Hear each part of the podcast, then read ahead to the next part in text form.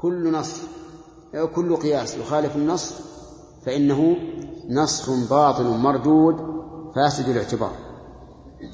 وكلامنا فيه أي في القياس المخالف للنص.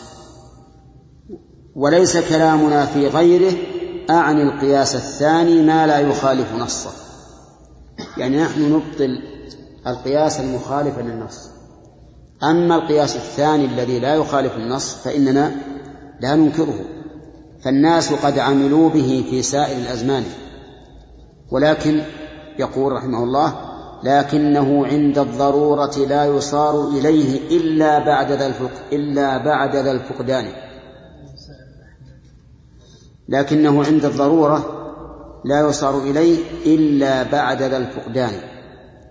يعني أننا لا نصير إلى القياس إلا إذا عدمنا النص. أما إذا وجدنا النص فإننا في غنى عنه في غنى عن القياس. إذا عدمناه فإننا نقيس. فيكون القياس بالنسبة للنصوص كالميتة بالنسبة للمذكاة. متى يحل الميتة؟ عند الضرورة. ويكون القياس كذلك بالنسبة للنصوص بمنزلة التراب عند الماء. لا نستعمله. إلا إذا تعذر استعمال الماء. فالقياس لا يصار إليه إلا عند الضرورة.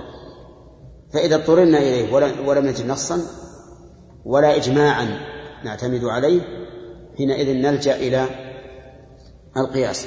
قال هذا جواب الشافعي لأحمد لله درك من إمام زمانه الشافعي أجاب الإمام أحمد بهذا الجواب. بأن القياس لا يصار عن إليه إلا عند الضرورة. نقل النص ابن عيسى. ماذا يقول؟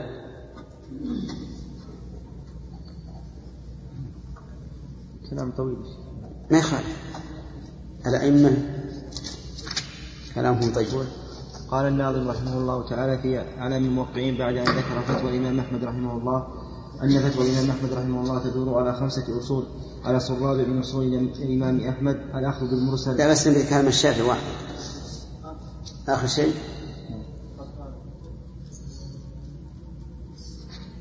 صفحة كم؟ وقدم الشافعي تحريم صيد مع ضعفه على القياس وقدم خبر جواز الصلاة بمكة على ضعفه ومخالفته لقياس غيرها من البلدان وقدم في أحد قوليه حديث من قاء أو رعف فليتوضأ وليبني على صلاته على القياس مع ضعف الخبر وإرساله. وأما مالك فإنه يقدم الحديث المرسل والمنقطع والبلاغات وقول الصحابي على القياس فإذا لم يكن عند الإمام أحمد في المسألة نص ولا قول ولا قول الصحابة ولا قول الصحابة. محاولة مع الشافعي وقد قال في كتاب الخلال سألت الشافعي عن القياس فقال إنما يصار إليه عند الضرورة. انتهى. بس. ظنيت كلام طويل. ثم قال المؤلف والله ما اضطر العباد إليه فيما بينهم من حادث بزمانه. يعني معناه أن النصوص كافية. كافية. ولكن لا شك أن هذا ليس على إطلاق. فإن الحوادث لا منتهى لها. لا منتهى لها. ولا وهي عن الحوادث أحيانا قد تكون داخلة في العموم ولكنه لا يفهم بعض الناس دخولها فيذهب إلى القياس. ودعوى أن كل مسألة بعينها يوجد حكمها في الكتاب والسنة في النفس منه شيء. لكن نعم يوجد الإحالة على القياس في الكتاب والسنة وحينئذ يكون لها أصل في الكتاب والسنة من حيث أن الكتاب والسنة يحيلان على القياس الصحيح. المهم كلام المؤلف هنا يقول والله ما اضطر العباد إليه فيما بينهم من حادث بزمانه فإذا رأيت النص عنه ساكتا فسكوته عفو من الرحمن. يريد بهذا رحمه الله ما يفعله العباد من الانتفاعات والمعاملات. أما العبادات فالأصل فيها الحظر المعاملات الأصل فيها الإباحة الانتفاعات الأصل فيها أيضا الإباحة. كل شيء في الأرض فهو لنا ننتفع به هو الذي خلق لكم ما في الأرض جميعا إلا بنص. فإذا سكت الله عنه فهو ها مما أباح. ما سكت الله عنه فهو عفو. مما أباحه. فإذا رأيت النص عنه ساكتا فسكوته عفو من الرحمن وهو المباح. إباحة العفو الذي ما فيه من حرج ولا نكران. فأضف إلى هذا عموم اللفظ والمعنى وحسن الفهم في القرآن. يعني أضف إلى هذا الأصل وهو أن ما سكت عنه فهو عفو أضف إليه عموم اللفظ والمعنى. فإنك ربما تجد حكم هذه الحادثة داخلا في عموم لفظ أو في عموم معنى. عموم اللفظ الفرق بينهما. عموم اللفظ ما دل عليه اللفظ بمادته وعموم المعنى ما دل عليه بمعناه وهو القياس الجلي. فإن القياس الجلي يكون فيه المقيس موافقا للمقيس عليه في العلة والعلة هي المعنى الموجب للحكم. ولهذا نقول العمومات إما لفظية وهي ما دل عليه اللفظ بمادته وإما معنوية وهي ما دل عليه إيش؟ اللفظ بمعناه. وهذا هو القياس الجلي وذلك لأن القياس الجلي يتساوى فيه الفرع والأصل الفرع اللي هو المقيس والأصل الذي هو المقيس عليه يتساويان يعني في العلة وهي المعنى العام الموجب للحكم. يقول فأضف إلى هذا عموم اللفظ والمعنى وحسن الفهم. حسن الفهم هذا مهم. كم من إنسان يفهم الشيء على خلاف ما أراد الله ورسوله؟ فإذا وفق الإنسان لحسن الفهم مع قوة الملاحظة والذكاء فلا تسأل. عن حاله في إصابة الصواب. فهناك تصبح في غنى وكفاية عن كل ذي رأي وذي حسبان. هناك يعني إذا أخذت بالأصل أن الأصل الإباحة وكذلك أيضا أضفت إلى هذا عموم اللفظ والمعنى تستغني بهذا عن كل ذي رأي وذي حسبان. ومقدرات الذهن لم يضمن لها تبيانها بالنص والقرآن. مقدرات الذهن يعني ما يقدرها ما تقدرها الأذهان. الأذهان تقدر أشياء. طويلة عريضة عويصة. نعم. هل هذا مضمون لنا؟ تبيانها بالقرآن؟ لا. لأن من من الأمور المقدرات في العقل ما ما يكون الشرع ساكتا عنه فتدخل في العمومات. تدخل في العمومات. ولهذا قال ابن حجر وغيره من العلماء إنه لا ينبغي أن نورد الاحتمالات العقلية في الدلالات اللفظية لأنك لو أردت الاحتمالات العقلية ما استقام لك دليل قط. كل دليل يمكن أن تورد عليه ها؟ احتمالا عقليا. وحينئذ تضيع فوائد فوائد الأدلة اللفظية. ولا شك أننا لو ذهبنا نقدر كما يوجد بعض الناس الآن نسأل الله لنا ولهم الهداية. إذا جئت بالدليل قال يحتمل كذا. طيب يحتمل كذا؟ خذ بظاهر أما تقول يحتمل كذا يقول في الثاني ويحتمل كذا. وإذا قلنا يحتمل كذا ويحتمل كذا وش تكون الدلالة؟ ها؟ تبطل. لا لي ولا لك. لأنك إذا قلت يحتمل كذا وأنا أقول يحتمل كذا والثالث يقول يحتمل كذا فبأي شيء نستدل؟ خذ اللفظ على ظاهره كما أخذه الصحابة رضي الله عنهم واستغنوا عن التكلف والتنطع ولهذا قال النبي عليه الصلاة والسلام كلمة حقيقة أنها تشهد بصدق الرسول عليه الصلاة والسلام كما له من الآيات الكثيرة الدالة على صدقه قال إيش؟ هلك المتنطع. هلك. المتنطع هالك. لن يصل إلى حياته. والآخذ للأمور على ظاهرها ويتقبلها كما تقبلها الصحابة هذا هو الذي على الحق ولهذا أقول لكم إنها إن أهل التنطع لا تجد الإيمان نور الإيمان في قلوبهم إلا أن يشاء الله. لماذا؟ لأن قلوبهم تكون دائما قلقة. تورد الإيرادات والشبهات ولا تبقى منقادة. لو أنك لو أنك أمعنت النظر لكنت تحكم على أن قلوب العامة أصفى من قلوب كثير من طلبة العلم. لأنهم يأخذون الأمور على ظاهرها قبولا وتسليما تاما بدون إيراد احتمالات. ولهذا أحذر نفسي وإياكم من هذا من هذا الطريق. طريق الاحتمالات هذه اتركوها. خذوا الأمور على ظاهرها. والحمد لله. أنتم لم تخاطبوا إلا بالظواهر والاحتمالات التي توجب التشكك والتشكيك هذه أبعدوها عن أنفسكم حتى تسلموا. يقول لهذا قال مقدرات الذهن لم تضمن لنا لم يضمن لنا تبيانها بالنص والقرآن وهي التي فيها وهي التي فيها اعتراك الرأي من تحت العجاج وجولة الأذهان.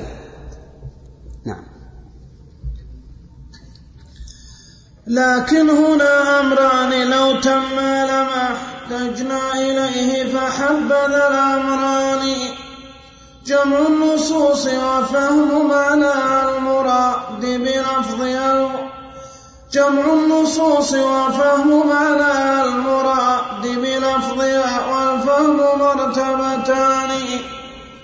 إحداهما مدلول ذاك اللفظ وضعا له إحداهما مدلول ذاك اللفظ وضعا أو لزوما ثم هذا الثاني فيه فيه تفاوت فيه تفاوتت الفهوم تفاوتا لم ينضبط أبدا له طرفان. فالشيء يلزمه لوازم جمة عند الخبير به وذي العرفان فبقدر ذاك فبقدر ذاك الخبر يحصى ما فبقدر ذاك الخبر يحصي من لوازم وهذا واضح التبيان. ولذاك من عرف الكتاب حقيقة عرف الوجود جميعه ببيان. وكذاك يعرف جملة الشرع الذي يحتاجه الإنسان كل زمان. علما بتفصيل وعلما مجملا تفصيله أيضا بوحي ثاني. يقول المؤلف رحمه الله لكن هنا أمران. لو تم لما احتجنا إليه أي إلى القياس فحبذ الأمران. الأول جمع النصوص. وفهم معناها المراد بلفظها. هذين أمران لا بد منهما. ولا يمكن الاستدلال إلا بهما. الأول جمع النصوص وذلك لأنك قد تسمع نصا عاما له مخصصات. فتحكم بالعموم وحينئذ تكون مخطئا. مثال ذلك قال النبي صلى الله عليه وسلم فيما سقت السماء العشر. فيما سقت السماء العشر. هذا الحديث عمومه يقتضي وجوب الزكاة في القليل والكثير. منين ناخذ العموم؟ فيما سقت. ما قال فيما سقت إذا بلغ كذا. قال فيما سقت السماء العشر. فإذا لم تجمع النصوص حكمت على شخص يملك نصف نصاب بوجوب زكاة الزكاة عليه وهي العشر لأنك أخذت بالعموم. أخطأت. الآن لما حكمت بوجوب الزكاة عليه وزرعه دون النصاب أخطأت. ما الذي فاتك؟ جمع النصوص. يعني ما جمعت. لو جمعت هذا العموم إلى قول النبي عليه الصلاة والسلام ليس فيما دون خمسة أوسق صدقة تبين لك أن ما دون النصاب ليس فيه زكاة. نعم ليس فيه زكاة. واضح يا جماعة؟ طيب. الأمر الثاني فهم المراد بها وهذا هو الذي صارت فيه المعارك بين الناس. لأن كل واحد يفهم فهما غير فهم الثاني وصحة الفهم لها أسباب إن شاء الله نذكرها. لكن هذا الذي يختلف فيه الناس كثيرا فهم المراد. هل أراد الله كذا أو أراد كذا؟ مثال ذلك قوله تعالى والمطلقات يتربصن بأنفسهن ثلاثة قروء. والمطلقات يتربصن بأنفسهن كم؟ ثلاثة قروء. يعني إذا طلقت المرأة فلا بد أن تعتد بثلاثة قروء. ما هي القروء؟ قال بعض العلماء القروء هي الحيض. وقال آخرون القروء هي الأطهار. اختلف. فمن قال إن الحيض قال تعتد بثلاث حيض ومن قال أطهار قال تعتد بثلاثة أطهار كاملة. اختلفوا وقال النبي عليه الصلاة والسلام زكاة الجنين زكاة أمه شو الجنين؟ ما هو الجنين؟ الحمل في البطن سمي جنينا لأنه مستتر زكاة الجنين زكاة أمه ما معناه؟ قال بعض العلماء يعني إذا ذكيت الشاة الحامل فذكاتها ذكاة لجنينها فإذا سلخناها وشققنا بطنها وأخرجنا الولد فهو مذكر حلال. وقال بعض العلماء ذكاة الجنين كذكاة أمه كذكاة أمه يعني أنك إذا أردت أن تذكيه ها فاقطع رأسه عرفت؟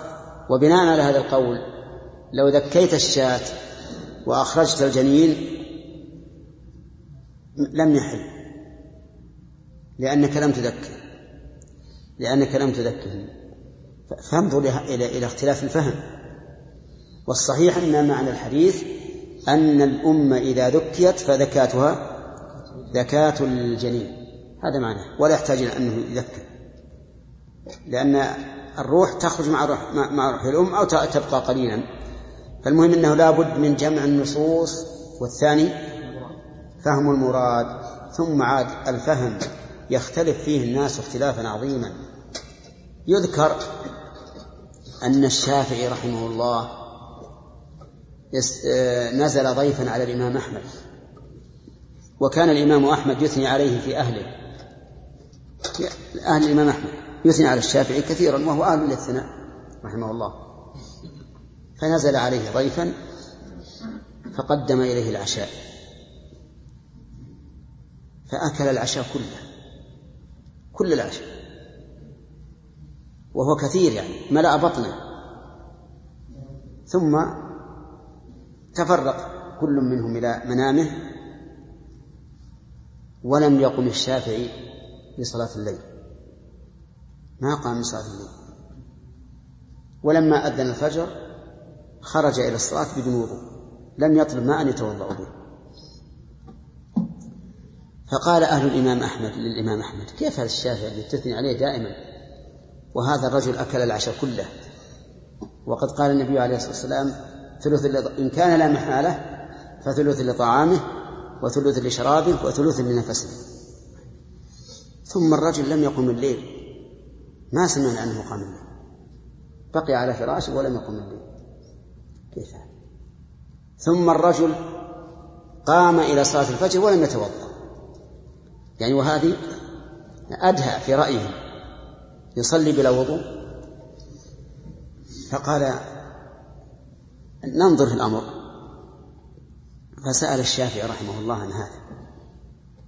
قال أما كوني آكل العشاء كله فلأني لا أعلم في هذا البلد طعاما أحل من طعام الإمام أحمد فأردت أن أملأ بطني منه. ولا يعني وكأنه يقول ولا ولا ملامة علي في ذلك. أبو هريرة ملأ بطنه من اللبن حتى إن الرسول قال اشرب قال لا أجد له مساغ امتلأ البطن. وأما كوني لم أقم الليل فلأنني أتأمل العلم. والعلم أفضل من قيام الليل. كنت أتأمل في قول الرسول عليه الصلاة والسلام يا أبا عمير ما فعل النغير؟ هذا حديث يقول الرسول لصبي صغير كان معه نغير النغير طير يلعب به. لما مات الطير حزن الصبي عليه. كالعادة الصبي إن كان له هرة يلعب فيها ثم تموت كأنما ماتت أمه وأخته. إن كان له طير يلعب به كذلك. حزن فكان الرسول عليه الصلاة والسلام من حسن خلقه إذا مر به بعد أن مات الطير يقول يا أبا عمير ما فعل النغير يعني سوى يمزح عليه عليه الصلاة والسلام. يقول إنه اختلفت الروايات استنبط من هذا الحديث ألف فائدة أو مئتين فائدة. طيب من يستنبط منا مئتين فائدة من هذا الحديث؟ نعم؟ ولا خمس فوائد. لكن هو رحمه الله إذا استنبط إذا استنبط فائدة يطلب لها دليل آخر. ثم يتولد من هذا الدليل فوائد أخرى. فتكون هذا الحديث يكون سببا لموسوعة علمية في الحديث. مو عشان هذا الحديث فقط. ولا هذا الحديث ما والعلم عند الله ما يصل إلى هذا. مهما كان. لكن كلما استدل له كلما استدل به على مسألة ها فر عليه. كل الليل وهو يستنبط الفوائد وهذا لا شك أنه أفضل من قيام الليل. العلم أفضل من قيام الليل. قال الإمام أحمد العلم لا يعدله شيء. طيب الثالثة خرج إلى المسجد ولم يتوضأ يصلي الفجر. لأنه لم ينم. لم ينم فلم يحتاج إلى الوضوء فرجع إلى أهل الإمام أحمد وأخبرهم بهذا قالوا الآن تمام. الله. أكبر اللهم اجعلنا منهم. اللهم ألحقنا بالصالحين.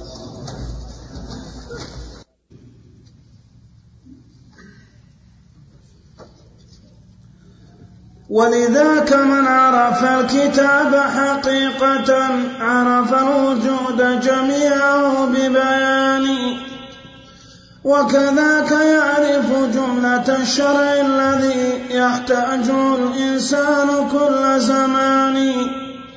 علما بتفصيل وعلما مجملا تفصيله أيضا بوحي ثاني. وكلاهما وحيان قد ضمنا لنا آل العلوم بغاية التبيان. ولذاك يعرف من صفات الله والأفعال والأسماء ذي الإحسان. ما ليس يعرف من كتاب غيره أبدا ولا ما قالت الثقلان. وكذاك يعرف من صفات البعث بالتفصيل والإجمال في القرآن. ما يجعل ما ما يجعل اليوم. أجل أعد من الأول. طيب مخال بس هذا ما يجعل اليوم ولا ما يجعل؟ ما يجعل اليوم. ما يجعل اليوم. ولذاك من عرف الكتاب حقيقة عرف الوجود جميعه ببيان. وكذاك يعرف جملة الشرع الذي يحتاجه الإنسان كل زمان. علما بتفصيل وعلما مجملا تفصيله أيضا بوحي ثاني. وكلاهما وحيان قد ضمنا لنا آل العلوم بغاية التبيان. ولذاك يعرف من صفة يعني وكذاك. وكذاك.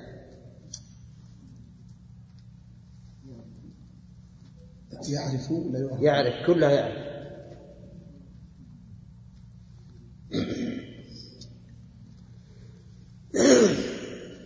وكذاك يعرف من صفات الله والأفعال والأسماء ذي الاحسان ما ليس يعرف من كتاب غيره أبدا ولا ما قالت الثقلان.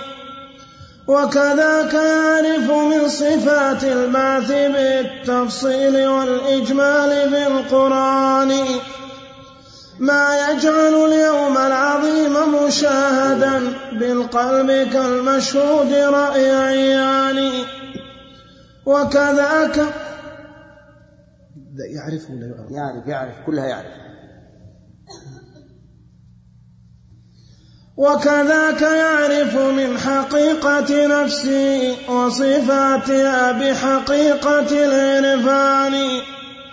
يعرف لوازمها ويعرف كونها مخلوقة مربوبة ببيان. وكذاك يعرف ما الذي فيها من الحاجات والإعدام والنقصان.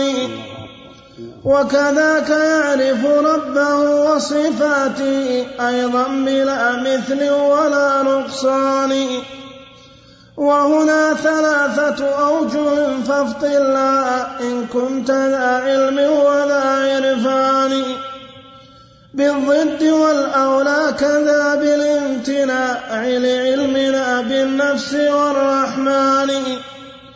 فالضد معرفة الإله بضد ما في النفس من عيب ومن نقصان. وحقيقة الأولى ثبوت كماله إن كان معطيه على الإحسان. بسم الله الرحمن الرحيم. يقول المؤلف رحمه الله لما ذكر أن النصوص نصوص الوحيين الكتاب والسنة فيهما الكفاية. وفيهما الغنى عما عداهما. قال رحمه الله ولذاك من عرف الكتاب حقيقة عرف الوجود جميعه ببيانه. من عرف القرآن معرفة حقيقية مطابقة لمراد الله به فإنه يعرف حقيقة الوجود. ولماذا خلق؟ ولما وما غايته؟ وما نهايته؟ وما ثمرة الحياة؟ لأن كلام الله قد بين هذا إما جملة وإما تفصيلا. وكذاك يعرف وكذاك يعرف جملة الشرع الذي يحتاجه الإنسان كل زمان. إذا عرف القرآن حقيقة عرف كل ما يحتاجه الإنسان من شريعة الله. لأن الله قال وهو أصدق القائلين ونزلنا عليك الكتاب إيش؟ تبيانا لكل شيء. تبيانا لكل شيء. نعم التبيان معناها الذي يبين كل شيء ولكن القصور منه إما قصور وإما تقصير. نعم. أربعة أبيات نعم ما أدري والله. طيب ما شرحنا؟ إذا نرجع. قال لكن هنا أمران. لو تم لنا لو تم لما احتجنا إليه فحبذ الأمران جمع النصوص وفهم معناها المراد منها المراد بلفظها والفهم مرتبتان. هذا تكلمنا عليه وقلنا بعض الناس إذا أخذ نص ترك النصوص الأخرى أليس كذلك؟ طيب. يقول الفهم مرتبتان إحداهما. مدلول ذاك اللفظ. وضعا أو لزوما ثم هذا الثاني فيه تفاوتت الفهوم تفاوتا لم ينضبط أبدا له طرفان. يقول المؤلف رحمه الله إن الفهم مرتبتان. المرتبة الأولى فهم مدلول اللفظ وضعا. معنى وضعا يعني بحسب الوضع أي بحسب وضع اللغة العربية. وهذا ربما يكون سهلا على كثير من الناس أن يفهم معنى اللفظ بحسب اللغة العربية. لكن الأمر الثاني فهم لوازم الخطاب يعني دلالة اللزوم. هذه يتفاوت فيها الناس تفاوتا عظيما. ربما يفهم هذا الرجل من دليل واحد لوازم كثيرة لا يفهمها الآخرون. فيستفيد فوائد كثيرة لا يستفيدها الآخرون. فتجد مثلا الرجل يقول يدل هذا الحديث بمنطوقه على كذا وبمفهومه على كذا وبفحواه على كذا وبإشارته على كذا وبلازمه على كذا ثم يستخرج فوائد كثيرة لا يقدر على عليها إنسان آخر. فلذلك يقول رحمه الله في ثم هذا الثاني ما هو الثاني؟ مدلول اللفظ لزوما. ها؟ يقول هذا الثاني فيه تفاوتت الفهوم تفاوتا لم ينضبط أبدا له طرفان. صح. تفاوتت الفهوم تفاوتا عظيما. ومن أدق ما رأيت في فهم النصوص البخاري رحمه الله. فإن تراجمه على الأحاديث قد يعجز الإنسان عن معرفة وجه استشهاده بالحديث. هذا إذا لم يكن في الحديث إذا لم يكن في الباب حديث على غير شرطه لأنه أحيانا يذكر الترجمة إشارة إلى حديث ليس على شرطه ثم يأتي بحديث مقارب فالناس يتفاوتون تفاوتا عظيما. يقول رحمه الله فالشيء يلزمه لوازم جمة عند الخبير به وذي العرفان. فبقدر ذاك الخبر يعني يعني المعرفة يحصي من لوازمه وهذا واضح التبيان. الشيء ويريد بالشيء اللفظ يلزمه لوازم كثيرة. لكن من يعرف هذه اللوازم؟ يعرفها الخبير. بدلالات اللزوم. فمثلا قال الله عز وجل الله خالق كل شيء. وش نفهم من هذا؟ أن الله خالق. نفهم صفة الخلق. ولا لا؟ ما نفهم صفة الخلق؟ نفهم غيرها؟ اي نفهم غيرها باللزوم. الخلق لا بد له من قدرة. إذا فالآية دالة على قدرة الله. نفهم ثاني؟ وهو العلم. نفهم ثاني وهو العلم. لأنه لا يمكن أن يخلق بلا علم. ألا يعلم من خلق وهو لطيف الخبير نفهم ثالث؟ الإرادة. لا يمكن أن يخلق بلا إرادة. نفهم رابع؟ المشيئة والإرادة واحد. هنا إرادة الحكمة. ماذا؟ الحياة. الحياة. صح؟ لأن الميت لا يخلق طيب. ما هو واضح لا بس ما من الآية. ما هو من الآية. طيب.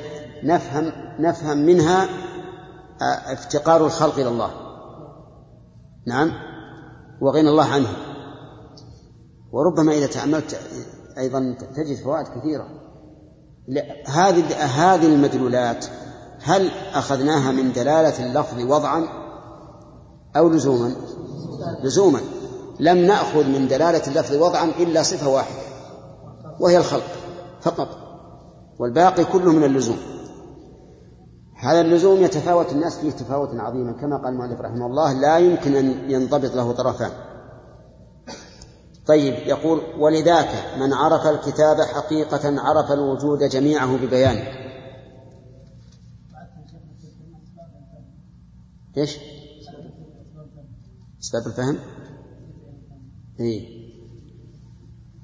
خلينا نمشي ونكمل الباب وبعدين إن شاء الله نقش وفتش. وكذلك يعرف جملة نعم. آه، من عرف الكتاب حقيقة عرف الوجود جميعه ببيانه. عرفه معرفة كونية قدرية. ثم عرف أيضا جملة الشرع. فيعرف بهذا القرآن الكريم الوجود جميعه من حيث التقدير والتكوين ومن خلقه ولأي شيء خلقه وعلى أي كيفية خلقه وينفتح له من المعارف ما لا ينفتح لغيره. كذلك يعرف جملة الشرع ولكن المؤلف في الشرع يقول جملة الشرع الذي يحتاجه الإنسان كل زمان من عهد الرسول صلى الله عليه وسلم إلى يوم القيامة. والإنسان هنا للجنس. يقول علما بتفصيل وعلما مجملا تفصيله أيضا بوحي ثاني.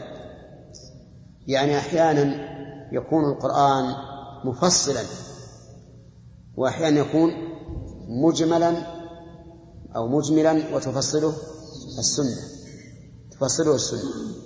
فمثلا قوله تعالى آتوا الزكاة هذا مجمل مجمل. لم يبين الله عز وجل ما الذي يؤتى؟ هل هو قليل أو كثير؟ لكن بينت السنة. ولم يبين الله عز وجل ما هو الذي تجب الزكاة فيه من الأنصبة ولكن بينته السنة. فالحاصل أن الوحي واللحم تام بالقرآن والسنة ولا يحتاج إلى غيره. وكلاهما وحيان قد ضمنا لنا أعلى العلوم بغاية التبيان. وكلاهما الضمير يعود على الكتاب والسنة وحيان قد ضمنا لنا أعلى العلوم بغاية التبيان. فإذا قال قائل أما كون القرآن وحيا فلا شك فيه. ولكن كون السنة وحيا نجد بعض الأحاديث تدل على أن السنة ليست بوحي. مثل قوله صلى الله عليه وسلم لولا أن أشق على أمتي إذا أمرتهم بالسواك. عند كل وضوء أو عند كل صلاة مع كل وضوء عند كل صلاة. فهذا يدل على أنه ليس وحيا لأنه لو كان وحيا لكان الأمر إلى من؟ إلى الله. وقال في صلاة العشاء إنه لوقتها لولا أن أشق على أمتي وسأله رجل عن الشهادة هل تكفر الذنوب؟ فقال إنها تكفر كل شيء. فلما انصرف الرجل دعاه ثم قال أتاني جبريل آنفا؟ فقال إلا الدين. وهذا أيضا يدل على أنها ليست بوحي لأن الوحي يكون متكاملا. المهم هناك حديث تدل على أن السنة ليست بوحي من الله. فما هو الجواب؟ نقول إن العلماء قالوا إن إقرار النبي صلى الله عليه وسلم على الشيء من سنته. فإقرار الله نبيه على الشيء كالوحي كالوحي إقرار.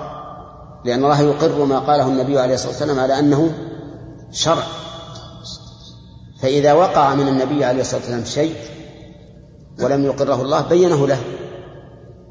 كما في قوله تعالى عفى الله عنك لما أذنت له حتى يتبين لك الذين صدقوا وتعلم الكاذبين. ولقوله تعالى يا أيها النبي لم تحرم ما أحل الله لك؟ تبتغي مرات أزواجك والله غفور رحيم. المهم أن الجواب عن هذا الإشكال أن نقول ما وقع من الأحاديث مما ظاهره أنه ليس بوحي فإنه وحي باعتبار آخر ما هو؟ إقرار الله له. كما قال العلماء إن إقرار النبي عليه الصلاة والسلام على الشيء يعتبر من من سنة النبي صلى الله عليه وسلم. طيب. وكذاك يعرف من صفات الله والأفعال والأسماء ذي الإحسان. وكذلك يعرف من صفات الله والأسماء والأسماء. أي أسماء؟ أسماء الله. والأفعال؟ أفعال الله. ذي الإحسان. ذي الإحسان. كيف مجرورة؟ ها؟ لا ما فيها إضافة. وكذاك يعرف من صفات الله والأفعال والأسماء ذي الإحسان. صفة لله؟ صفة لله. نعم. ما ليس ما ليس يعرف من كتاب غيره. هذه هي التي تصلح بفتح الياء وبضمها.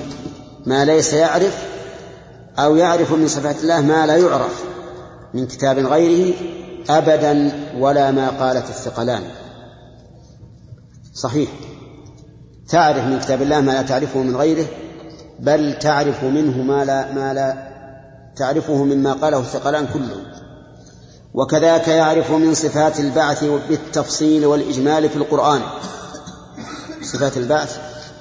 بينها الله عز وجل بيانا إجماليا أحيانا وبيانا تفصيليا أحيانا. ما يجعل اليوم العظيم مشاهدا بالقلب كالمشهود رأي عيان. الله أكبر. قال الله عز وجل يخرجون من الأجداث كأنهم جراد منتشر. أجداث القبور. تشاهد هذا كأنك تشاهد أرضا منبسطة يمشي عليها جراد منتشر. ويكون يوم تكون الجبال كالعين المفروش يوم ويكون الناس كالفراش المبثوث. كأنك تشاهد يا أيها الناس اتقوا ربكم إن زلزلة الساعة شيء عظيم يوم ترونها تذهل كل مرضعة عما أرضعت وتضع كل ذات حمل حملها إلى آخر. وترى الجبال تحسبها جامدة وهي تمر مر السحاب. والآيات في هذا كثيرة كلها تصور القيامة كأنها رأي عين. وكذاك يعرف من حقيقة نفسها وصفاتها بحقيقة العرفان.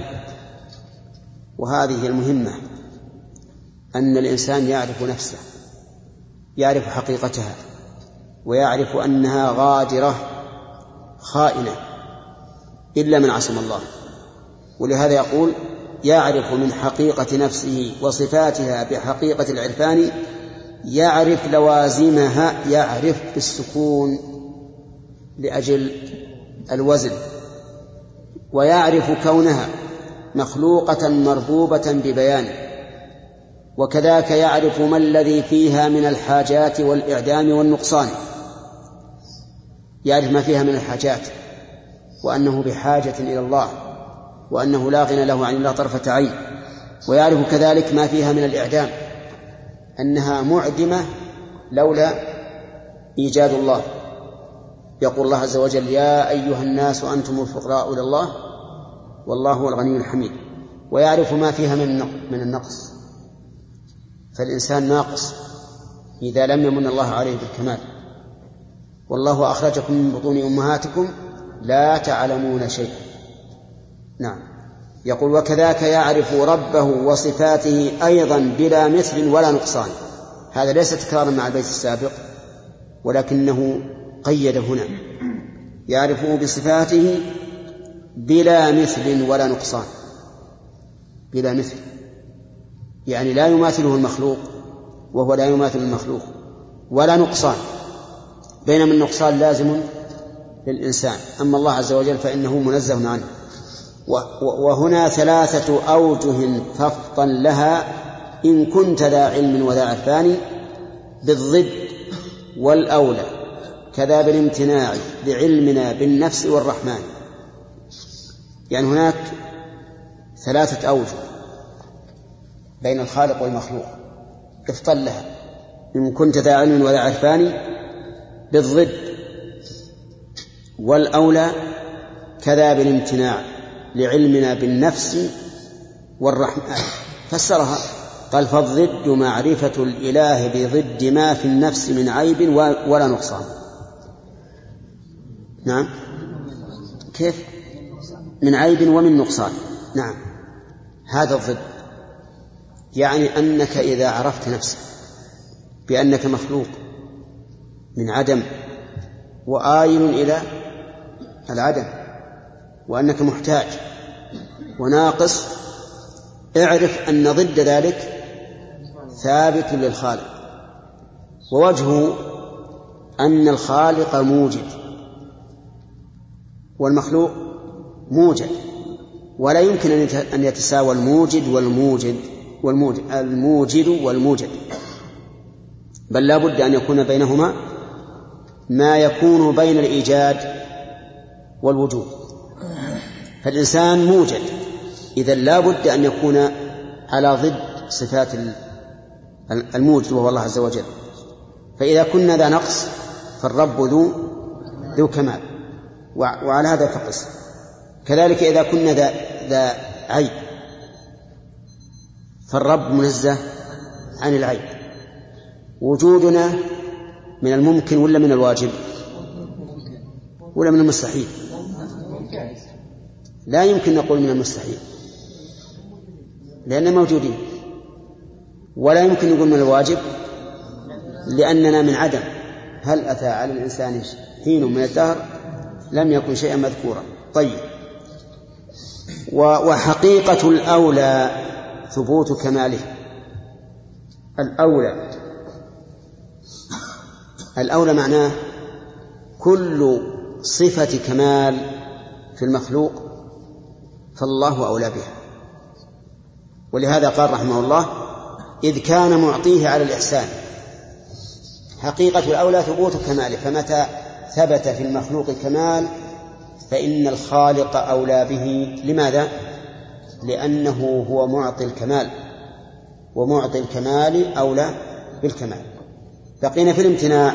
الثالث الامتناع هو امتناع العيب والنقصان.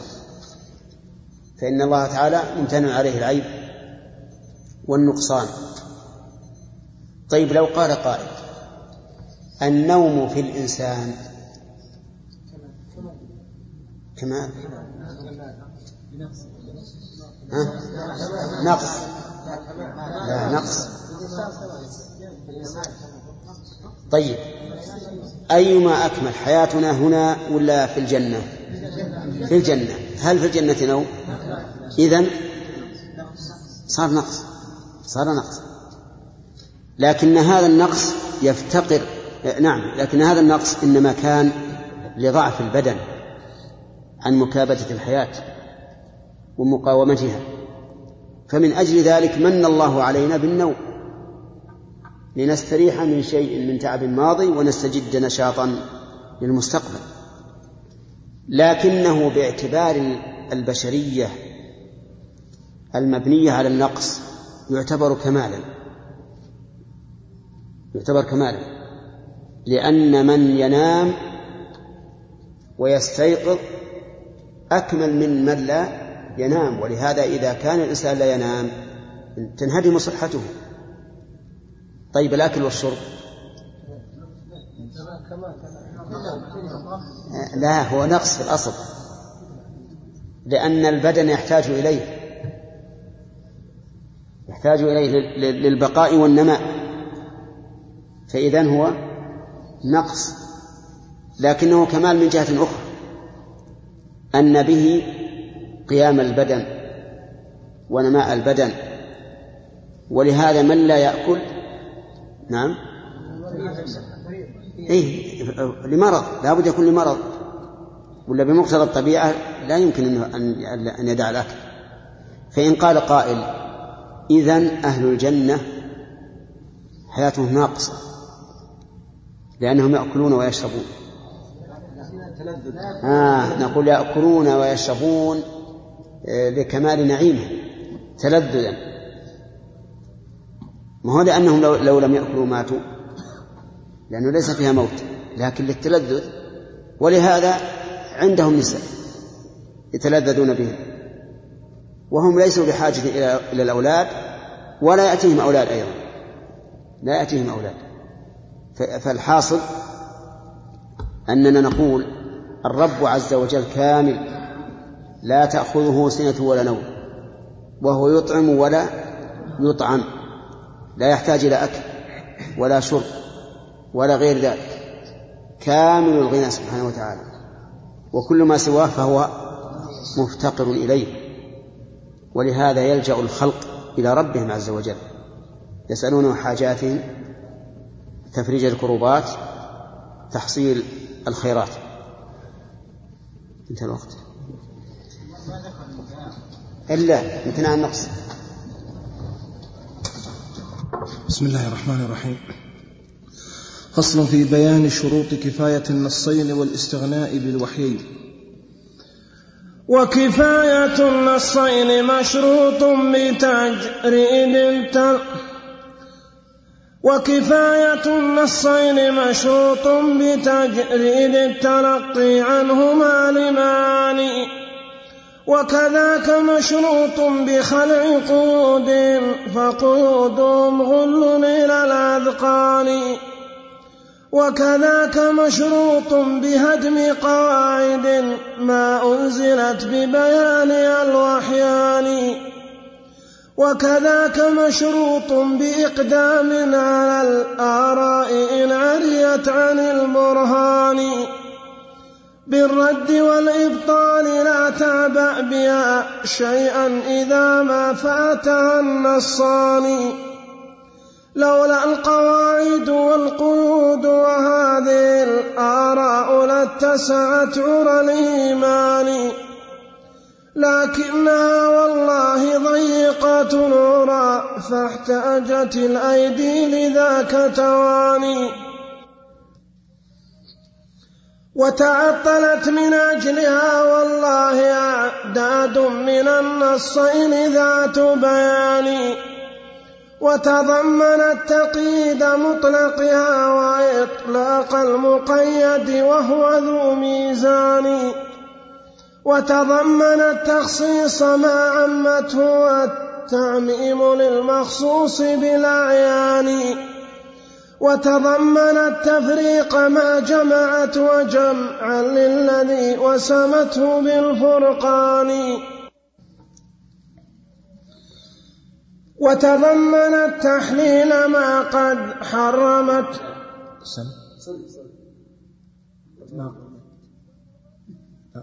وتضمنت تحليل ما قد حرمته وعكسه فلتنظر العينان سكتت وكان سكوتها عفوا.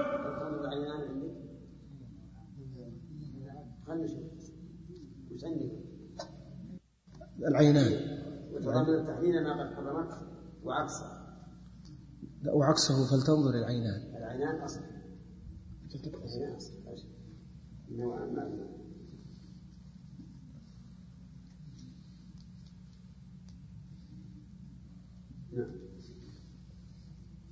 في بيت ثاني ساقط؟ نعم.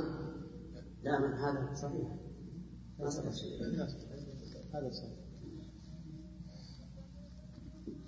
سكتت وكان سكوتها عفوا فلم تعف القواعد باتساع بطان وتضمنت إهدار ما اعتبرت كذا بالعكس والأمران محذوران. وتضمنت أيضا شروطا لم تكن مشروطة شرعا بلا برهان. وتضمنت أيضا موانع لم تكن ممنوعة شرعا بلا تبيان. رحمه الله يشترط في بيان في يقول فصل في بيان شروط كفاية النصين والاستغناء بالوحيين. النصين هما نص الكتاب والسنة والوحيان هما الكتاب والسنة. قال وكفاية النصين مشروط بتجريد التلقي عنهما لمعاني. يعني يشترط لكفاية النصين لمن استدل بهما أن يكون مجرد مجردا للتلقي عنهما لمعانيهما. ومعنى مجردا أنه لا ينظر إلى غيرهم يجعل استدلاله وأخذه للمعاني من النصين لا غير. هذا هو المراد بالتجريد. الشرط الثاني وكذاك مشروط بخلع قيودهم فقيودهم غل إلى الأذقان. يعني يشترط أيضا أن القيود التي اشترطوها تحذف وتخلع مثل مثل قولهم يشترط لقبول أخبار الصفات أن تكون متواترة من أين هذا؟ يشترط للعمل بظواهر النصوص أن لا تكون مخالفة للعقل. من أين هذا؟ هل العقل يحكم على النصوص؟ أو بالعكس؟ بالعكس. ثم ما هو العقل الذي يحكم على النصوص؟ عقل من؟ هذه لا لابد أن نخلع جميع القيود التي قيدوها. واضح. وكذاك مشروط بهدم قواعد ما أنزل ما أنزل ما أنزلت ببيانها الوحيان. ومن القواعد ما أشرت إليه آنفا. إذا تعارض العقل والنقل في باب الصفات قدم العقل عندهم. قدم العقل عندهم. هذه قاعدة المتكلمين من الأشاعرة وغيرهم. يقول إذا تعارض العقل والنقل فقدم العقل. قدم العقل. ولا شك أن هذه القاعدة باطلة. لأن تقديم العقل عند تعارض النقل أو عند معارضة النقل إبطال للعقل مخالف للعقل. فباب الصفات من باب الخبر. الذي لا مدخل للعقل فيه. فإذا قدمنا فيه العقل على النقل فقد خالفنا العقل نفسه. إذ أن العقل يقول الأمور الغيبية استند فيها إلى إلى النقل المحض. هذا هذا مقتضى العقل. أنت الآن لو أردت أن تتحدث عن شخص ما عن حياته هل يمكن أن تحكم عقلك؟ لا. تتلقى الخبر أو العلم عن حياته تتلقاه من أي من أي طريق؟ من الخبر النقل طيب هم قعدوا هذه القاعدة الباطلة إذا تعارض العقل والنقل فإنه يقدم العقل. فالذي يقول هذا لا يمكن أن يكتفي بالوحيين عما سواه بل هذا هدم للوحيين في الواقع. إذا الشروط كم؟ ثلاثة.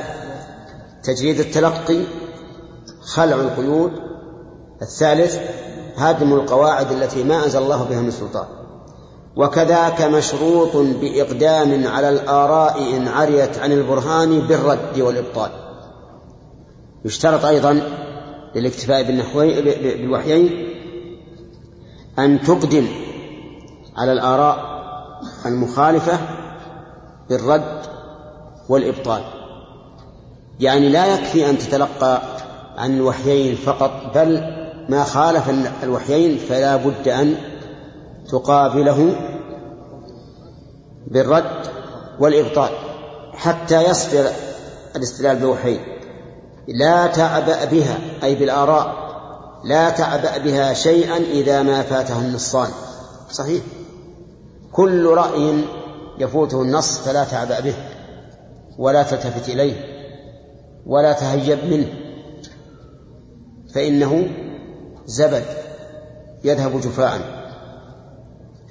لولا القواعد والقيود وهذه الآراء لاتسعت عرى الإيمان. صحيح. هذه القواعد التي أصلوها والقيود ضيقت البطان وصار الإيمان لا يتسع. وأضرب لكم مثلا ما الذي يثبته الأشاعرة من صفات الله؟ سبع صفات. سبع صفات فقط مع أن صفات الله عز وجل لا تحصى ولا تحصى. إذا ضيقوا على أنفسهم. ضيقوا على أنفسهم بحذف صفات لا تحصى من صفات الله بناء على قواعدهم الباطلة. وأننا نرجع إلى العقل فيما نحكم به على ربنا من الصفات. طيب لولا القواعد والقيود وهذه الآراء لاتسعت عرى الإيمان لكنها والله ضيقة العرى فاحتاجت الأيدي لذاك تواني. يعني أنها ضيقة ضيقت العرى فاحتاجت الأيدي لذاك. عندكم؟ ها؟ إيش؟ تاء الفاعل. ها؟ تاء التنيث. مفتوحة التاء. على كل حال يصح أن تكون تاء التأنيث وأنها ضيق فعل. لكنها والله ضيقت العرى فاحتاجت الأيدي لذاك تواني. يعني العرى إذا ضاقت تحتاج الأيدي في حلها إيش؟ إلى تواني.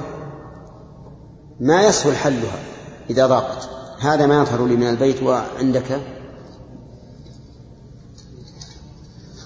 يقول شرع الناظم في بيان في بيان المفاسد التي حصلت لا بس بالبيت الأخير. فذكر أنها تعطلت من أجل أعداد النصين وتضمنت تقييد المطلق وإطلاق المقيد وتخصيص العموم وتأمين المخصوص وتفريق ما جمعت النصوص بينه وجمع ما فرقت بينه وتضييق ما وسعته وعكسه وتحليل ما حرمته وتحليل بس. والهراس قل والله لولا ما علم إليه فرق الزيغ والضلال من وضع القواعد والقيود والمذاهب. التي أسست عليها لو لوجدت عرى الإيمان وقواعده واسعة لا حرج فيها ولا تعقيد ولكن هؤلاء ضيقوا عراه بما أحدثوا من المبادئ والاصطلاحات حتى حتى عقروا بها نصوصا كثيرة من الكتاب والسنة مع أنها في غاية الوضوح والبيان. ما شاء الله. على كل حال معروف ان إن العرى إذا ضاقت فإنها تحتاج إلى تواني توان في حلها بخلاف ما إذا كانت متسعة. أنت الآن اعقد أي عقدة. إذا كانت متسعة يسهل عليك الحل. لكن إذا ضيقتها صعب الحل. يقول وتعطلت من أجلها والله أعداد من النصين ذات بيان. لأنهم يقولون كل هذه النصوص المثبتة للصفات كلها مجاز. فعطلوا دلالتها مع أنها بينة واضحة لكن عدل ضيقوها أهدروها. وتعطلت وتضمنت تقييد مطلقها وإطلاق المقيد وهو ذو ميزان. وتضمنت تخصيص ما ما عمته والتعميم للخصوص للمخصوص بالأعيان. تضمنت تقييد المطلق وإطلاق المقيد. يعني عكس ما جاء في في القرآن والسنة. وتضمنت أيضا تخصيص ما عمت والتعميم للمخصوص بالأعيان. إذن هناك فرق بين المطلق والعام وبين المخصص والمقيد. أو لا؟ هناك فرق. التقييد يرد على المطلق ولا يرد على العام. والتخصيص يرد على العام ولا يرد على المطلق. نعم. فإذا قلت أعتق رقبة مؤمنة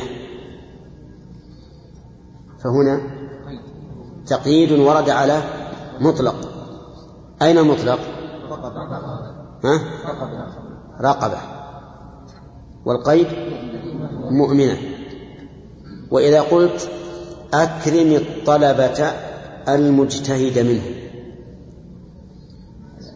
ها؟ هذا التخصيص ورد على عموم ورد على عموم. طيب. فالمؤلف رحمه الله يقول هذه القواعد أوجبت أن أن يعمم الخاص وأن يخصص العام على عكس ما أراد الله به ورسوله. وتضمنت تفريق ما جمعت وجمعا للذي رسمته بالفرقان. ها؟ كيف؟ للذي وسمته؟ نعم. للذي وسمته بالفرقان. يعني تضمنت أيضا تفريق ما جمعت النصوص وجمع الذي فرقته. وتضمنت تضييق ما قد وسعته وعكسه ما هو عكسه؟ توسيع ما ضيقت فلتنظر الأمران وتضمنت تحليل ما قد حرمته وعكسه فلتنظر العينان. وت... نعم. إذن صارت هذه الآراء والقواعد مضادة لما أراد الله ورسوله بالوحيين. سكتت وكان سكوتها عفو فلم. إيش عندكم؟ تعفو القواعد باتساع بطان بطاني. يعني أن النصوص سكتت عما سكتت عنه وكان ما سكتت عنه عفوا. أما قواعدهم فإنها لم لم تكن متسعة. لم تكن متسعة ولم يكن سكوتها عفوا.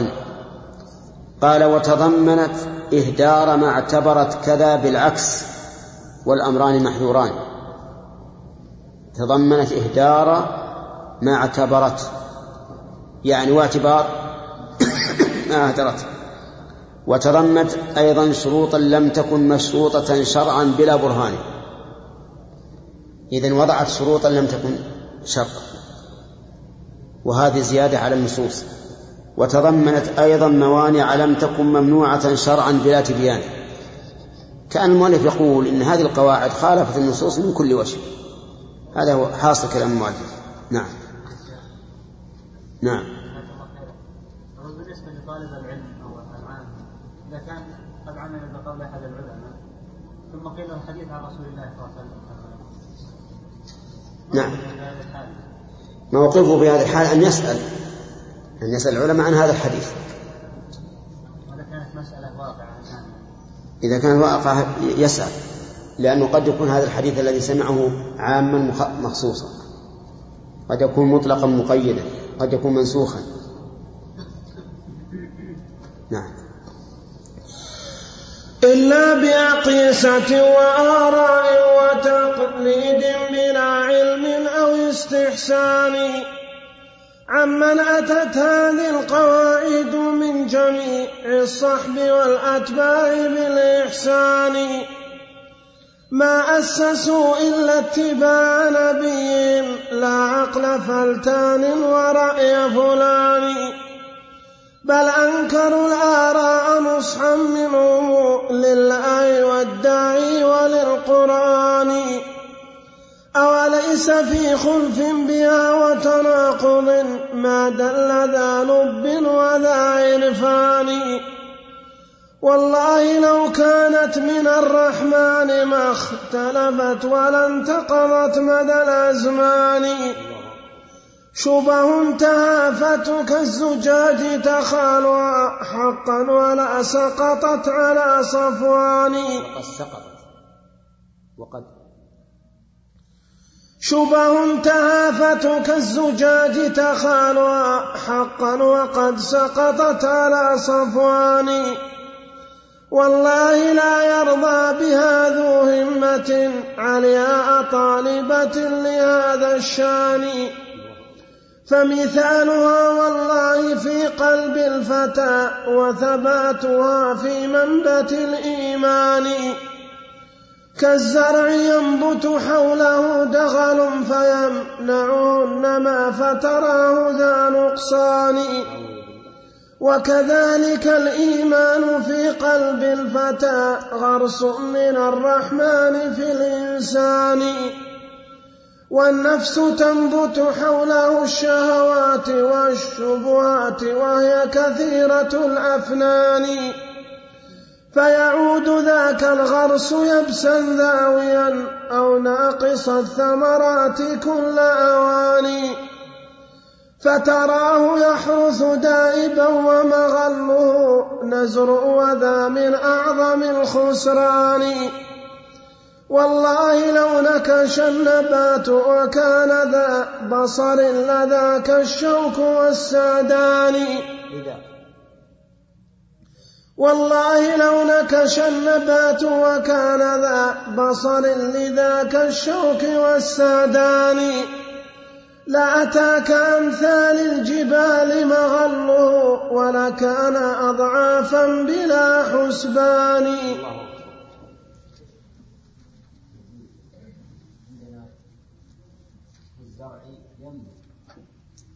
إيه. نعم تنبت. طيب نقرأ. نقرأ. نقرأ. يقول رحمه الله إلا بأقيسة وآراء وتقليد بلا علم ولا استحسان بلا علم أو استحسان. يعني معناه أن هذه الأشياء التي ضمنتها مخالفة للكتاب والسنة ليست مبنية على شيء إلا على أقيسة وآراء باطلة وتقليد لعامتهم بلا علم أو استحسان عمن أتت هذه القواعد. من جميع الصحب والأتباع بالإحسان. يعني هذه القواعد التي أسسوها عمن أتت؟ هل جاءت عن الصحابة؟ هل جاءت عن التابعين لهم بإحسان؟ الجواب لا. فقوله عن من أتت من هنا استفهامية. يعني عن أي أحد أتت هذه؟ هل جاءت عن الصحابة أو الأتباع بالإحسان؟ لا. ما أسسوا أي الصحابة والأتباع بالإحسان إلا اتباع نبيهم لا عقل فلتان ورأي فلان. يعني أن التابعين لا للصحابة بإحسان وكذلك الصحابة ما أسسوا إلا اتباع النبي صلى الله عليه وسلم. بل أنكروا الآراء نصحا منهم لله والداعي وللقرآن. أنكروا الضمير يعود على الصحابة والتابعين لهم بإحسان. أنكروا الآراء. أنكروا معارضة النص بالآراء لما قال لما حدث عبد الله بن عمر عن النبي عليه الصلاة والسلام لا تمنعوا إماء الله مساجد الله. قال ابنه بلال والله لنمنعهن. والرسول يقول لا تمنع. لكن بلال ابنه رأى ما عليه الناس من فساد قال والله لنمنعهن. فأقبل عليه أبوه عبد الله يسبه سبا شديدا. ما سبه مثله قط. وقال أقول لك قال رسول أقول لك قال رسول الله صلى الله عليه وسلم لا تمنعوا إماء الله مساجد الله وتقول والله لنمنعهن ثم هجره حتى مات. مع أنه عارض النص باجتهاد لكن لا يجوز أن يعارض النص. الله ورسوله أعلم. اتبع النص وفيه الخير وإذا حدث شيء معين فعالج. أما أن تعارض النص تقول والله لا نمنعهم والله رسوله يقول لا تمنعوا هذا خطأ. لكن لو حدث فتنة من امرأة معينة امنعها فمقابلة النص بالمعارضة هذه خطيرة. ولهذا قال بل أنكروا الآراء نسخا منهم لله والداعي وللقرآن. أوليس في خلف بها وتناقض ما دل ذا لب وذا عرفان الجواب؟ بلى. هذا الاختلاف بين أهل الآراء وهذا التناقض يدل على فسادها لأنها لو كانت سليمة ما اختلف أهلها ولا تناقض. والله لو كانت من الرحمن ما اختلفت ولا انتقضت مدى الأزمان. قال الله تعالى أفلا يتدبرون القرآن ولو كان من عند غير الله لوجدوا فيه اختلافا كثيرا. شبه تهافت كالزجاج تخالها حقا. هذا بيت مشهور لكن آخره وكل كاسر مكسور. حجج تهافت كالزجاج تخالها حقا وكل كاسر مكسور. أما ابن القيم فأتمه بغير هذا من أجل النظم. فقال شبه تهافت كالزجاج تخالها حقا وقد سقطت على صفوان. إذا سقطت على صفوان يعني على صفا وش تقول؟ ترضض أكثر. نعم. فلا يبقى لها باقية. والله لا يرضى بها ذو همة علياء طالبة لهذا الشأن. يعني لا يرضى بهذه الآراء ذو همة عالية تطلب الشأن وهو الحق في باب أسماء الله وصفاته وغيرها. فمثالها والله في قلب الفتى وثباتها في منبت الإيمان كالزرع ينبت حوله دغل فيمنعه النماء فتراه ذا نقصان. هذا مثال عجيب منطبق وهذا إنسان عنده زرع. نعم. نبت حوله دغل. الدغل هذه الزروع التي تفسد الزرع وتقضي عليه من فوق ومن تحت. يعني هذه الزروع آه، تفسد الزرع من تحت بالعروق. تحول بين عروقه وبين أخذ الطعم اللي في الأرض. وتفسدها أيضا من فوق تغمره عن الشمس والهواء. فماذا يكون حال الزرع؟ يفسد يذبل ويموت أو يكون ناقصا. ولهذا يقول رحمه الله كالزرع ينبت حوله دغل فيمنعه النماء فتراه ذا نقصان وكذلك الإيمان في قلب الفتى غرس من الرحمن في الإنسان. نسأل الله أن يغرس في قلوبنا وقلوبكم الإيمان وينميه. قال والنفس تنبت حوله الشهوات. تنبت حول القلب الشهوات والشبهات وهي كثيرة الأفنان يعني كثيرة الأغصان كثيرة الفروع. فالإيمان يغرسه الله في قلب الإنسان ثم تأتي النفس الأمارة بالسوء وتنبت حوله إيش؟ الشبهات والشهوات وتؤثر عليه يقول وهي كثيرة الأفنان فيعود ذاك الغرس يبسا ذاويا أو ناقص الثمرات كل أوان. صحيح. إذا نبتت حوله حول الإيمان الشبهات والشهوات والعياذ بالله فإنه يذوب يذوب الإيمان. وربما يزول بالكلية. ولهذا قال العلماء إن المعاصي بريد بريد الكفر. يقول فيعود ذاك الغرس يبسا داويا أو ناقص الثمرات كل أوان فتراه. فتراه يحرث دائما أو يحرث دائبا. ومغله نزر وذا من أعظم الخسران ترى الزارع يحرث دائما. ولكن المغل قليل لما ينبت حوله من هذه النوابت التي تؤثر عليه في الأرض وفي الجو. والله لو نكش النبات وكان ذا بصر لذاك الشوك والسعدان لأتاك أمثال الجبال. لو نكش النبات يعني أزاله ونبشه. نعم. حتى زال هذا النبات المضر. لأتاك أمثال الجبال مغله ولكان أضعافا بلا حسبان.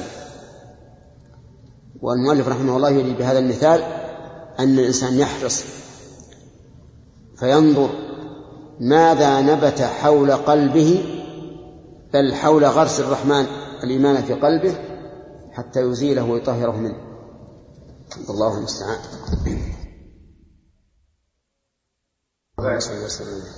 قد أورد ابن القيم رحمه الله تعالى غل حطه أسهل ها؟ لا لا يجيك اللي تبيه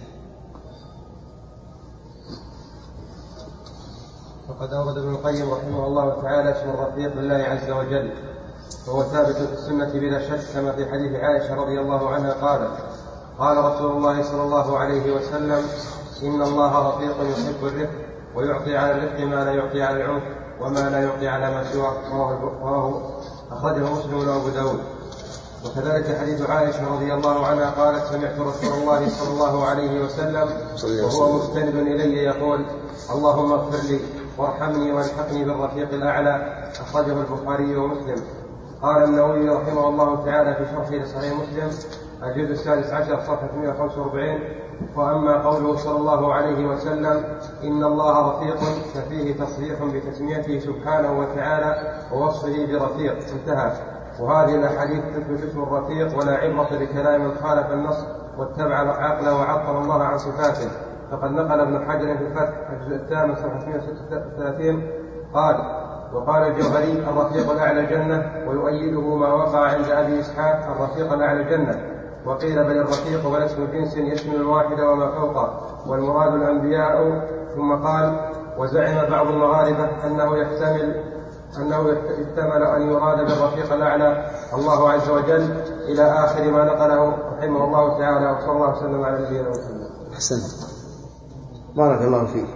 لكن الظاهر من الحديث اللهم في الرفيق الأعلى اللهم في الرفيق الأعلى هكذا ورد أيضا يراد به النبيون والصديقون والشهداء والصالحون لقوله تعالى ومن يطع الله والرسول فأولئك مع الذين أنعم الله عليهم من النبيين والصديقين والشهداء والصالحين وحسن أولئك رفيقا.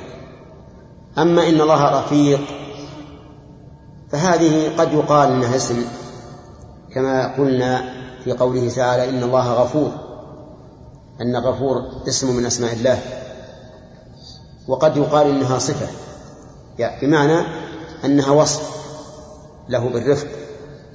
وليست اسما لأن الغفور وردت نكرة إن الله غفور رحيم وردت معرفة إنه هو الغفور الرحيم.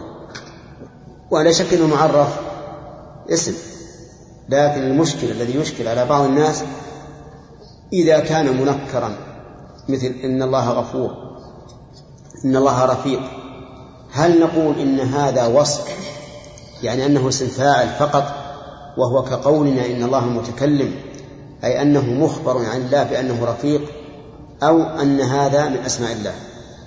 كلام العلماء رحمهم الله في هذا محتمل. فمنهم من يرى أن ما لم يعرف بأل فليس من الأسماء وما عرف بأل فهو اسم. ومنهم من قال ما غلب عليه الوصف فهو اسم وما غلب عليه الفعل فهو صفة.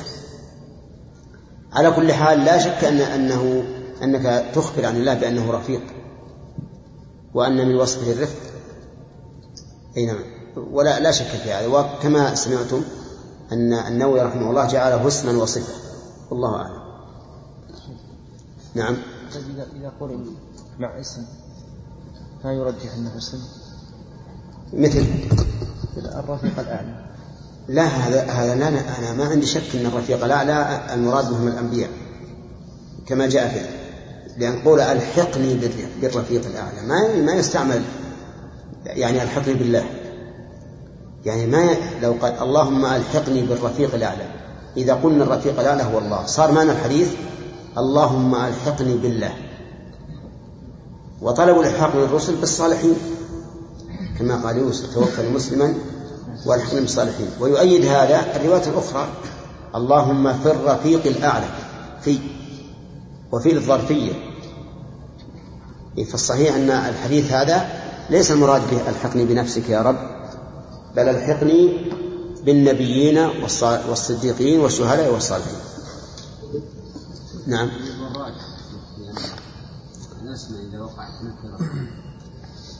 والله هذا القول حقيقة قول أن ما ورد نكرة فهو وصف وليس اسم. وما جاء معرفا بألف فهو اسم. وإن جاء في بعض المواضع منكرا مثل غفور يأتي غفور رحيم منكرا. الغفور غير هذا الموضع لكن مثلا اسم قريب نعم. قريب إيه؟ يعني معرف مع ان القيم ليس يعني اي لا. الظاهر إنه يخبر به عنه. يقال قال وقريب من داعيه وعابدين. لكن إن ورد القريب فهو اسم ما في إشكال. ما جعل في ما جعل قريب. ما جعل يعني قريب قلنا نكره أيضا اثبتنا يعني قاعدة. قلنا إن يعني بعض الأسماء قد تأتي نكره أي نعم نعم. لكن يقول بعض العلماء يقول إن الضابط ما جاء معرفا فهو اسم وما جاء منكرا فهو اسم. ثلاثة أخذنا ثلاثة. أخذنا ثلاثة. نعم. بل الرفيق الأعلى بل الرفيق. بل الرفيق الأعلى عندما بل الرفيق. إيه؟ إيه نعم يعني مع, مع هؤلاء. إيش؟ ما فهمت. إيش تقول؟ في الابيات امس قرات والله والله لو نكش النبات نعم. قلت بعض الاخوان كنت اي أحسنت. يقول الإخوان لو تعيد قراءة الأبيات لأن فيها صار فيها اخطاء منين؟ والنفس تنبت من هذا. طيب. بسم الله الرحمن الرحيم.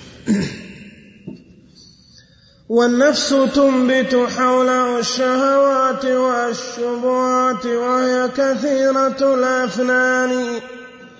فيعود ذاك الغرس يبسا ذاويا أو ناقص الثمرات كل أوان فتراه يحرث دائبا ومغل نزر وذا من أعظم الخسران. والله لو نكش النبات وكان ذا نبات والله لو نكش النبات وكان ذا بصر لذاك الشوك والسادان لأتاك أمثال الجبال مغله ولكان أضعافا بلا حسبان.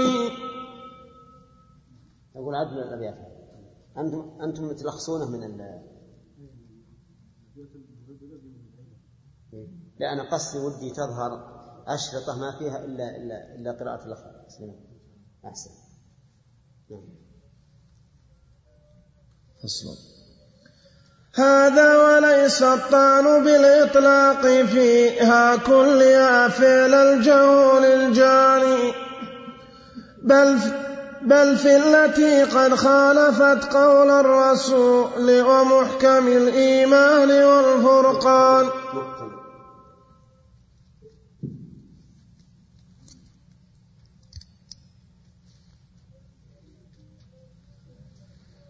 بل في التي قد خالفت قول الرسول ومحكم الإيمان والفرقان أو في التي ما أنزل الرحمن في تقريرها يا قوم من سلطان فهي التي كم عطلت من سنة بل عطلت من محكم القرآن.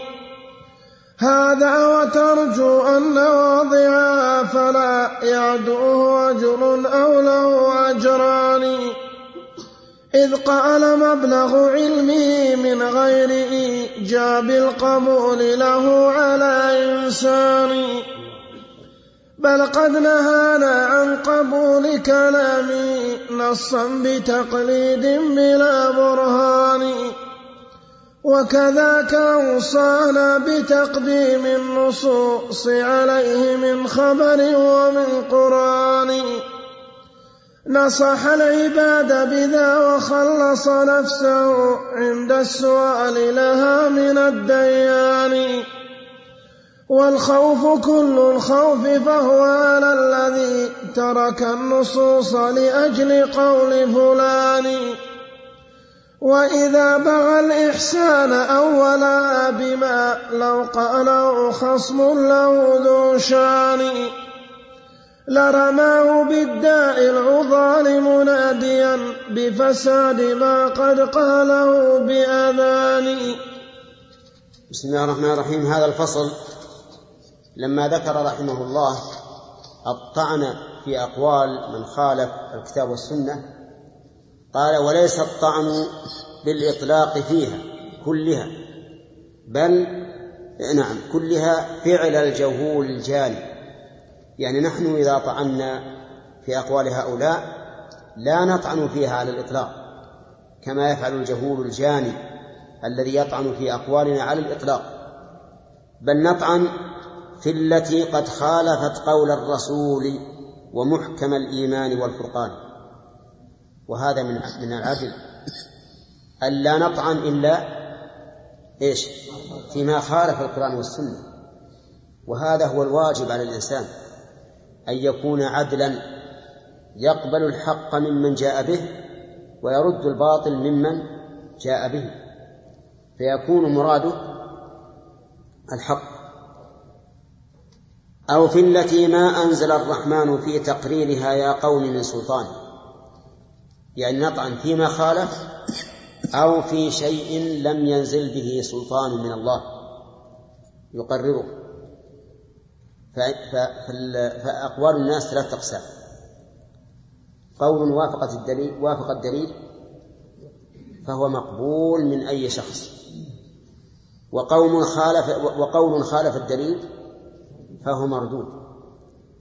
وقول لم ينزل الله به من سلطان ويطلب فيه الدليل ولكن لا دليل فهذا أيضا مردود. ولهذا قال نرد شيئين ما خالفت قول الرسول والتي لم ينزل الله في تقريرها من سلطان. هذا هو الذي نرده. أما ما وافق قول الرسول فإن نقبله وإن كان من هذه من أقوال هؤلاء الفلاسفة أو المناطق. فهي التي يعني هذان النوعان من الأقوال. قال فهي التي كم عطلت من سنة بل عطلت من محكم القرآن. وهذا واضح. قال هذا ونرجو أن واضعها هذا ونرجو أن واضعها فلا يعدوه أجر أو له أجران. يعني نرى أن من قالها عن اجتهاد فلا يخلو من أجر أو أجرين. متى له أجران؟ إذا أصاب. وواحد إذا أخطأ. إذ قال وجه أنه مأجور. إذ قال مبلغ علمه. وكل إنسان قال مبلغ علمه فإنه لا يلام فؤاد. معنى؟ ها؟ لا. وين تروح؟ طيب. إذ قال مبلغ علمه من غير إيجاب نعم من غير إيجاب من غير إيجاب القبول له على إنسان. الله أكبر هذا العدل. يعني أنه قال مبلغ علمه ولا قال يجب على الناس أن يتبعوه. من غير إيجاب له على إنسان. وهذا هو العالم الرباني. الذي يبين الحق في نظره ولا يقول للناس يلزمكم أن تتبعوا قولي استمع إلى كلام ابن القيم رحمه الله يقول بل قد بل قد نهانا عن قبول كلامه نصا بتقليد بلا برهان. انظر كلام الأئمة ولا سيما الأئمة المتبوعون الأربعة. تجد كل كلامهم ينهون عن تقليد آراء الرجال. ويقولون بلسان المقال أو لسان الحال إذا خالفت أقوالنا قول الرسول فاضربوا بها عرض الحائط. وهذا هو الحق والله. ليس الحق أن يقول أن يقول الإنسان بلسان حاله أو قاله يا جماعة لا تخرجوا عن قولي. ثم يغضب إذا رأى الناس خرجوا عن قوله أقول إن كل شخص يريد من الناس أن يتبعوا قوله ويرى أن ذلك واجب فإنه قد جعل نفسه شريكا للرسول صلى الله عليه وسلم. لأنه لا أحد يجب اتباع قوله إلا إلا الرسول صلى الله عليه وسلم. نعم. يقول بل قد نهانا عن قبول كلامه نصا بتقرير بلا برهان وكذاك أوصانا. يعني المجتهد منا معشر أهل السنة أوصانا بتقديم النصوص عليه يعني على قول من خبر ومن قرآن. هذا يقول المؤلف نصح